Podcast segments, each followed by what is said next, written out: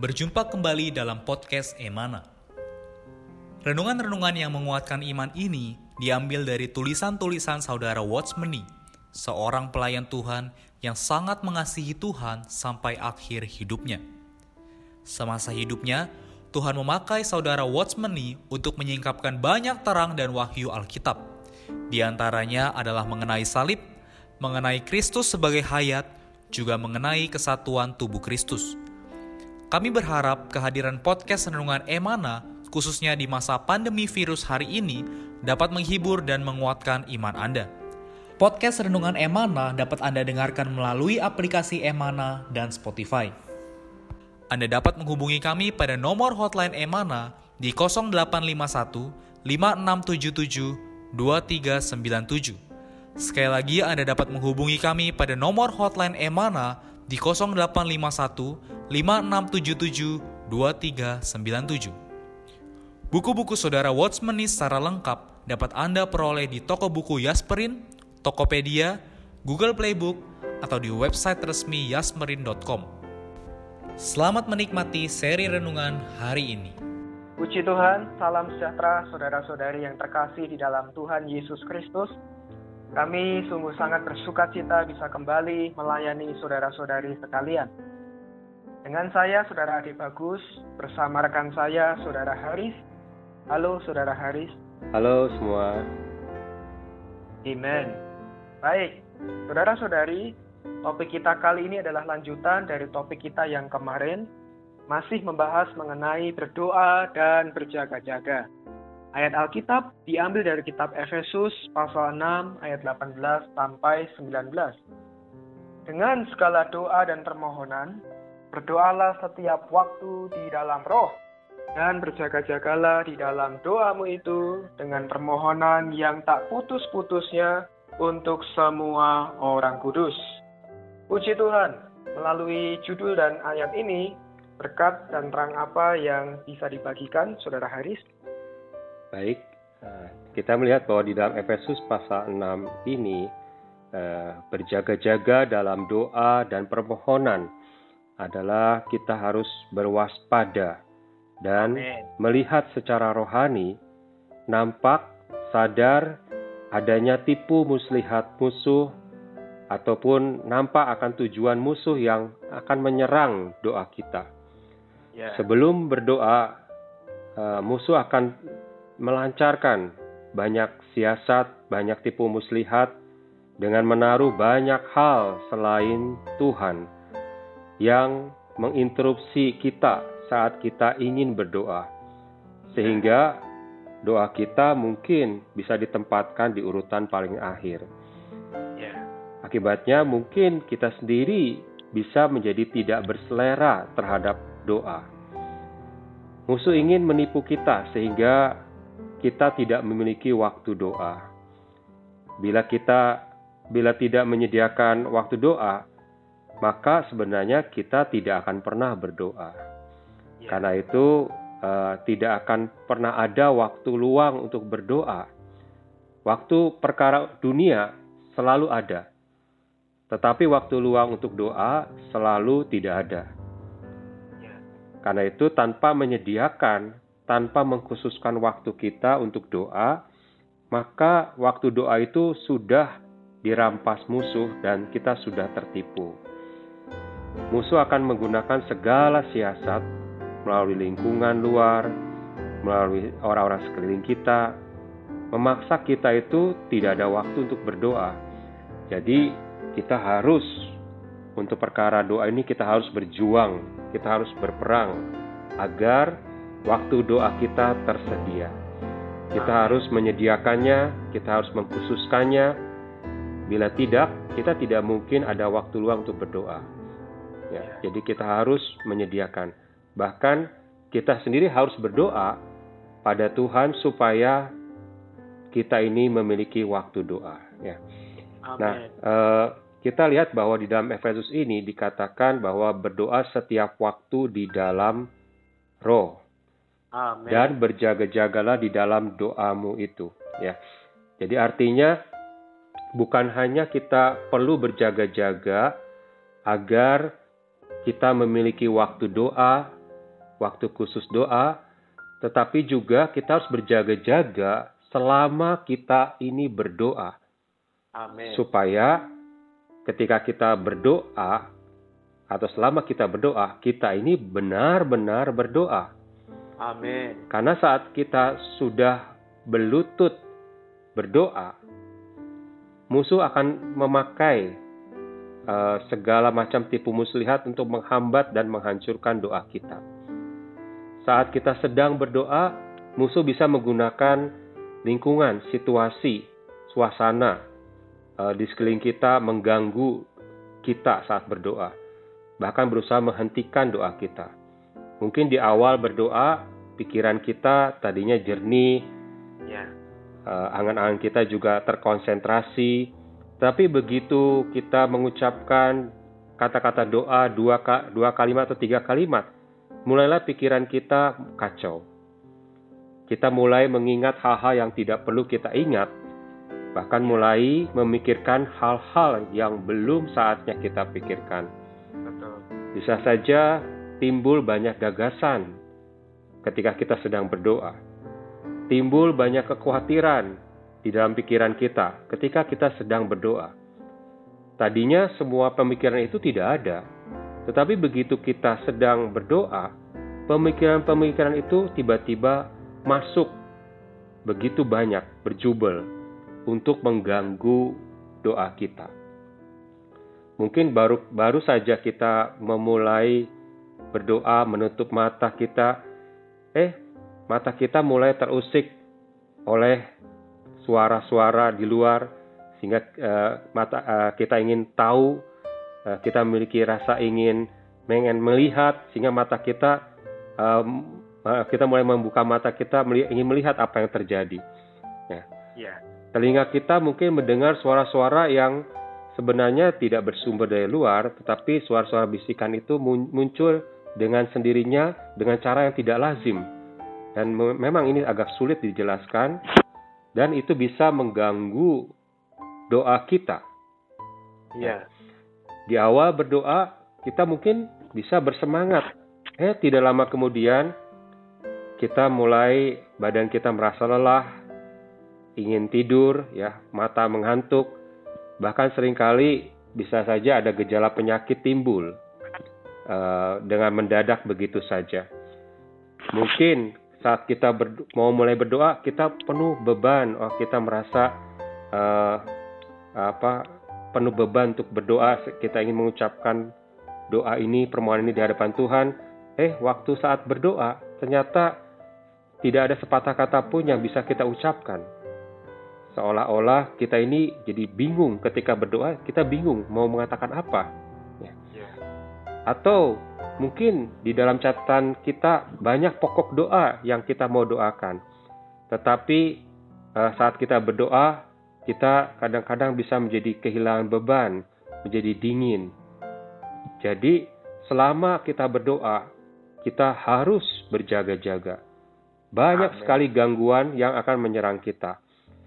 Kadang-kadang walaupun kita berusaha untuk berdoa, baru mengucapkan dua tiga kalimat, eh kita sudah kehabisan bahan untuk berdoa. Ya. Semua kondisi tersebut terjadi secara mendadak selama waktu doa. Kita harus mengenal bahwa bila terjadi sedemikian selama kita berdoa, berarti ini adalah siasat si musuh ingin menghancurkan doa kita. Sebelum berdoa, kita harus berdoa agar Allah membuat kita bisa berdoa. Amin. Sekali lagi saudara ya, kita harus tahu bahwa ketika kita sebelum berdoa, kita sendiri juga harus berdoa agar Allah membuat kita ini bisa berdoa. Amin. Agar kita dapat berdoa dengan angan-angan, dengan pemikiran yang tidak bercabang, tetapi hanya murni memandang Tuhan. Dan kita harus berdoa supaya Tuhan melepaskan kita dari segala siasat si musuh yang berusaha menghentikan kita berdoa. Kita harus berkata kepada pemikiran-pemikiran, suara-suara, ataupun kelemahan-kelemahan, ataupun penyakit-penyakit, atau apa pun yang mengganggu kita yang muncul tiba-tiba itu, bahwa kita menentang semua hal itu. Kita menolak semua hal itu. Kita harus membuka mulut mengusir semua gangguan-gangguan itu dan tidak memberikan sedikit pun kesempatan, tidak memberikan tumpuan sedikit pun kepada musuh untuk mengganggu doa kita. Amin. Lalu, apa yang kita lakukan? Setelah kita usir semuanya itu pergi, kita kembali lagi harus berpaling kepada Tuhan, kembali lagi ke dalam roh melalui berseru namanya. Nah, Amin. kita melihat bahwa di sini uh, dikatakan bahwa berdoa setiap waktu di dalam roh. Amin. Kata roh di sini adalah mengacu pada roh manusia, roh kita yang telah dilahirkan kembali dan dihuni oleh roh Allah. Amin. Jadi roh ini adalah roh manusia, tapi roh manusia yang telah dilahirkan kembali dan dihuni oleh roh Allah. Ya. Maka roh ini adalah suatu roh perbauran antara Allah dan manusia. Amin. Roh perbauran ini adalah indera utama, adalah organ utama kita berdoa, berkontak dengan Tuhan. Nah, tanpa di dalam roh sedemikian, maka doa kita tidaklah berkontak dengan Tuhan. Tidaklah menjamah diri Tuhan. Bahkan doa kita kalau tidak di dalam roh, tidak bisa berhubungan dengan Tuhan. Seperti kita itu saat berdoa kalau tidak di dalam roh, seperti kata-kata yang hanya diucapkan di udara. Tidak ada kontak, tidak ada tidak nyambung dengan Tuhan. Karena Tuhan adalah roh. Maka kita harus berdoa di dalam roh kita. Amin. Ketika kita berdoa dalam roh kita, barulah ini yang namanya berjaga-jaga. Ya. Ketika kita berdoa dalam roh kita, baru ada koneksi. Barulah kita berkontak, berhubungan dengan Tuhan. Kita harus berdoa di dalam roh perbauran antara Allah dan manusia. Nah, apa yang Tuhan maksudkan berjaga-jaga di dalam doa itu atau berjaga-jaga selama kita berdoa, artinya selama kita berdoa, kita harus berdoa di dalam roh ini, ya. Amin. Secara konstan, secara konsisten, tetap berada di dalam roh. Tidak berdoa dalam otak pikiran kita atau di dalam imajinasi angan-angan kita. Bagi orang Kristen, bila tidak berdoa di dalam roh, maka kita juga tidak berjaga-jaga di dalam doa. Bahkan kemungkinan kita bisa tidak sedang berdoa malah. Maka agar kita berdoa setiap waktu di dalam roh, selama kita berdoa, sepanjang doa kita harus tetap di dalam roh. Amin. Agar kita di dalam roh, maka karena roh kita ada di dalam bagian yang terdalam manusia, maka kita harus berlatih menggunakan seluruh bagian manusia kita ini. Supaya doa kita di dalam roh. Supaya doa kita memasuki bagian yang terdalam dari manusia ini. Maka kita perlu berlatih. Ketika kita berdoa atau selama kita berdoa, kita berlatih agar setiap anggota tubuh kita ini dalam kondisi yang datang kepada Tuhan. Amin. Saat kita berdoa, kita harus menyadari Tuhan ada di hadapan kita. Tuhan Amin. sedang ada di depan kita, di hadapan kita. Amin. Bahkan kita ini seperti kita ini sedang berhadapan muka demi muka dengan Tuhan. Amin. Maka kita berdoa. Ketika kita berdoa, kita belajar dengan mata jasmani kita tertutup agar mata kita itu menolak terhadap melihat hal-hal yang dunia, menolak melihat yang lain. Kita hanya belajar dengan mata rohani kita melihat diri Tuhan. Amin. Ketika kita selama berdoa, kita harus memiliki mulut yang selalu menyeru nama Tuhan. Belajar menunggu perkataan doa apa yang Tuhan ingin berikan di dalam perasaan batin kita. Nah, kita perlu berlatih demikian. Kita juga perlu berlatih agar setiap bagian jiwa kita pun diletakkan di atas roh. Melalui pikiran kita hanya memikirkan kepentingan Tuhan, ketika selama berdoa, pikiran kita memikirkan Tuhan, pikiran kita memikirkan firman-Nya, pikiran kita memikirkan pelayanannya, pikiran kita memikirkan diri Tuhan. Amin. Selama kita berdoa, kita juga perlu berlatih agar perasaan emosi kita hanyalah menyatakan cinta kepada Tuhan. Hanyalah ingin mengasihi Tuhan. Lalu kita juga perlu berlatih selama kita berdoa agar kita memiliki tekad menginginkan diri Tuhan, merindukan Amen. Tuhan, memprioritaskan diri Tuhan. Maka inilah kondisi yang sungguh-sungguh ketika kita berdoa di dalam roh. Ya. Sehingga melalui kondisi yang sungguh-sungguh demikian, sehingga seluruh diri kita, ya, termasuk tubuh kita, bahkan jiwa kita, dikonsentrasikan untuk berhubungan dengan Tuhan. Nah, inilah yang dimaksud kita berdoa di dalam roh, berjaga sambil terus berjaga-jaga di dalam doa kita. Maka inilah yang maksudnya kita perlu berdoa di dalam setiap waktu di dalam roh dan berjaga-jaga di dalam doamu itu ya. Amin. Semoga kita semua bisa terus berlatih sebelum kita berdoa bahkan selama kita berdoa kita harus menjaganya tetap di dalam roh kita. Ya, melatih seluruh setiap bagian diri kita agar terkonsentrasi kepada Tuhan. Jiwa Amen. kita, tubuh kita, setiap bagiannya kita berkonsentrasi kepada Tuhan. Amin. Amin. Puji Tuhan. Baik, saya akan melanjutkan membacakan satu kutipan di sini.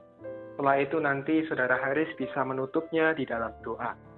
Dikatakan demikian, untuk berdoa dengan tuntas dan melepaskan beban kita melalui doa, kita perlu berjaga-jaga dalam doa. Kita harus berjaga-jaga untuk menghadapi suasana yang ingin menghentikan doa kita. Di sini kita dituntut untuk berperang. Sebelum berdoa, kita harus berdoa agar Allah membuat kita bisa berdoa. Saat berdoa, kita harus memohon Tuhan untuk menolong agar kita dapat berdoa dengan angan-angan yang tidak bercabang dan melepaskan kita dari semua siasat musuh yang menghentikan kita dari berdoa. Kita harus berkata kepada pikiran-pikiran, suara-suara, kelemahan-kelemahan, dan penyakit-penyakit yang mengganggu kita. Semua hal yang tidak jelas sumbernya ini adalah dusta dan tipuan dari si iblis. Katakan, aku menantangnya, kita harus membuka mulut dan mengusir mereka, tidak memberikan sedikit pun kesempatan atau tumpuan kepada musuh. Kita harus berjaga-jaga dan melawan tipu muslihat iblis dengan doa. Kemudian kita tidak hanya bisa berdoa, tetapi juga bisa berdoa dengan tuntas. Puji Tuhan. Amin. Amin. Mari kita semuanya berdoa, saudari. Amin. Tuhan terima kasih Tuhan. Ya. Tuhan biar kami belajar mengenal siasat musuh, tipu muslihat musuhmu yang ingin menghentikan kami untuk tidak berdoa. Tuhan, biar kami menjadi orang yang belajar berdoa dengan berjaga-jaga. Tuhan Yesus, biar kami berjaga-jaga dengan senantiasa berdoa setiap waktu di dalam roh ya. kami. Tuhan, dengan roh kami, kami berkontak, berhubungan dengan Tuhan. Amen. Tuhan, biarlah kami juga ingin mempersembahkan setiap bagian tubuh kami, yeah. entah mata kami, mulut kami, yeah.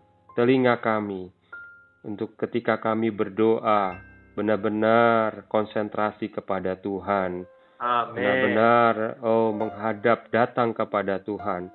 Amen. Bahkan oh pikiran kami, bahkan emosi kami, bahkan ya. tekad kami, setiap bagian hati kami, jiwa kami, oh sepenuhnya belajar memikirkan Tuhan, mengasihi Tuhan, menginginkan Tuhan. Tuhan, ketika melalui demikian Tuhan, kami belajar senantiasa berjaga-jaga di dalam doa kami. Amin. Tuhan, sehingga doa kami adalah doa yang menjamah diri Tuhan. Amin. Tuhan, terima kasih padamu. Amin. Berkatilah kami semua. Di dalam Amin. namamu kami berdoa. Amin. Amin. Puji Tuhan. Sekian podcast Renungan Emana hari ini. Kami akan kembali pada seri berikutnya. Anugerah dari Tuhan Yesus Kristus dan kasih Allah dan persekutuan Roh Kudus menyertai kita semua.